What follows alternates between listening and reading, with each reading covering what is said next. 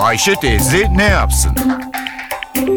Güngör Uras, Ayşe teyze ekonomide olan biteni anlatıyor.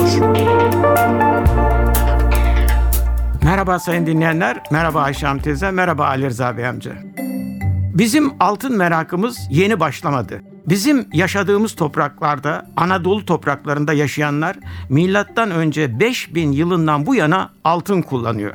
Kazılarda ortaya çıkan altınlardan yapılmış eşya ve takılar bu topraklarda altın kullanımının eskiden beri yoğun olduğunu gösteriyor. Dünyada ilk altın para milattan önce 700 yıllarında Salihli'de Sart yöresinde hüküm süren Lidya kralı Krezus tarafından bastırıldı. Demek ki o çağlarda da bu topraklarda altın üretimi vardı.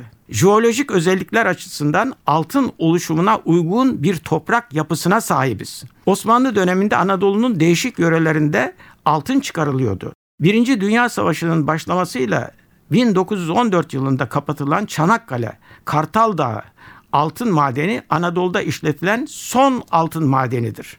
Cumhuriyet sonrası ise altın üretimi 2001 yılında Bergama'da başladı.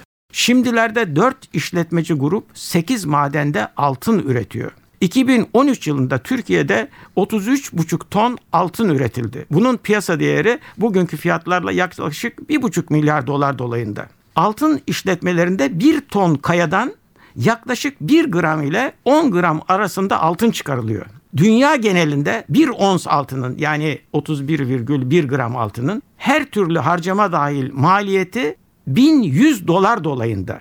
Dikkat bulunuz. 1 gram altının maliyeti her türlü masraflar dahil 1100 dolar dolayında. Altın fiyatları gerileyince bir tondan bir gram altın elde edilen madenlerin işletilmesi karlı olmuyor. Dünya altın üretimi 2013 yılında 3000 ton, altın talebi ise yaklaşık 4900 ton oldu. Üretim ile talep arasındaki fark hurda altınlarla karşılanıyor. Altın üretiminde Çin 438 ton üretimiyle ilk sırada yer alıyor. Çin'i Avustralya ve Rusya takip ediyor. Bizde saf altın üretimi 2001 yılında 1400 ton civarındaydı. 2007 yılında yıllık 10 bin ton üretim yaptık. 2011 yılında üretim 24.600 tona yükseldi. 2013 yılı üretim rakamı ise 33.500 ton oldu. Bir başka söyleşide birlikte olmak ümidiyle şen ve esen kalınız sayın dinleyenler. Güngör Uras'a sormak istediklerinizi ntvradio.com.tr adresine yazabilirsiniz.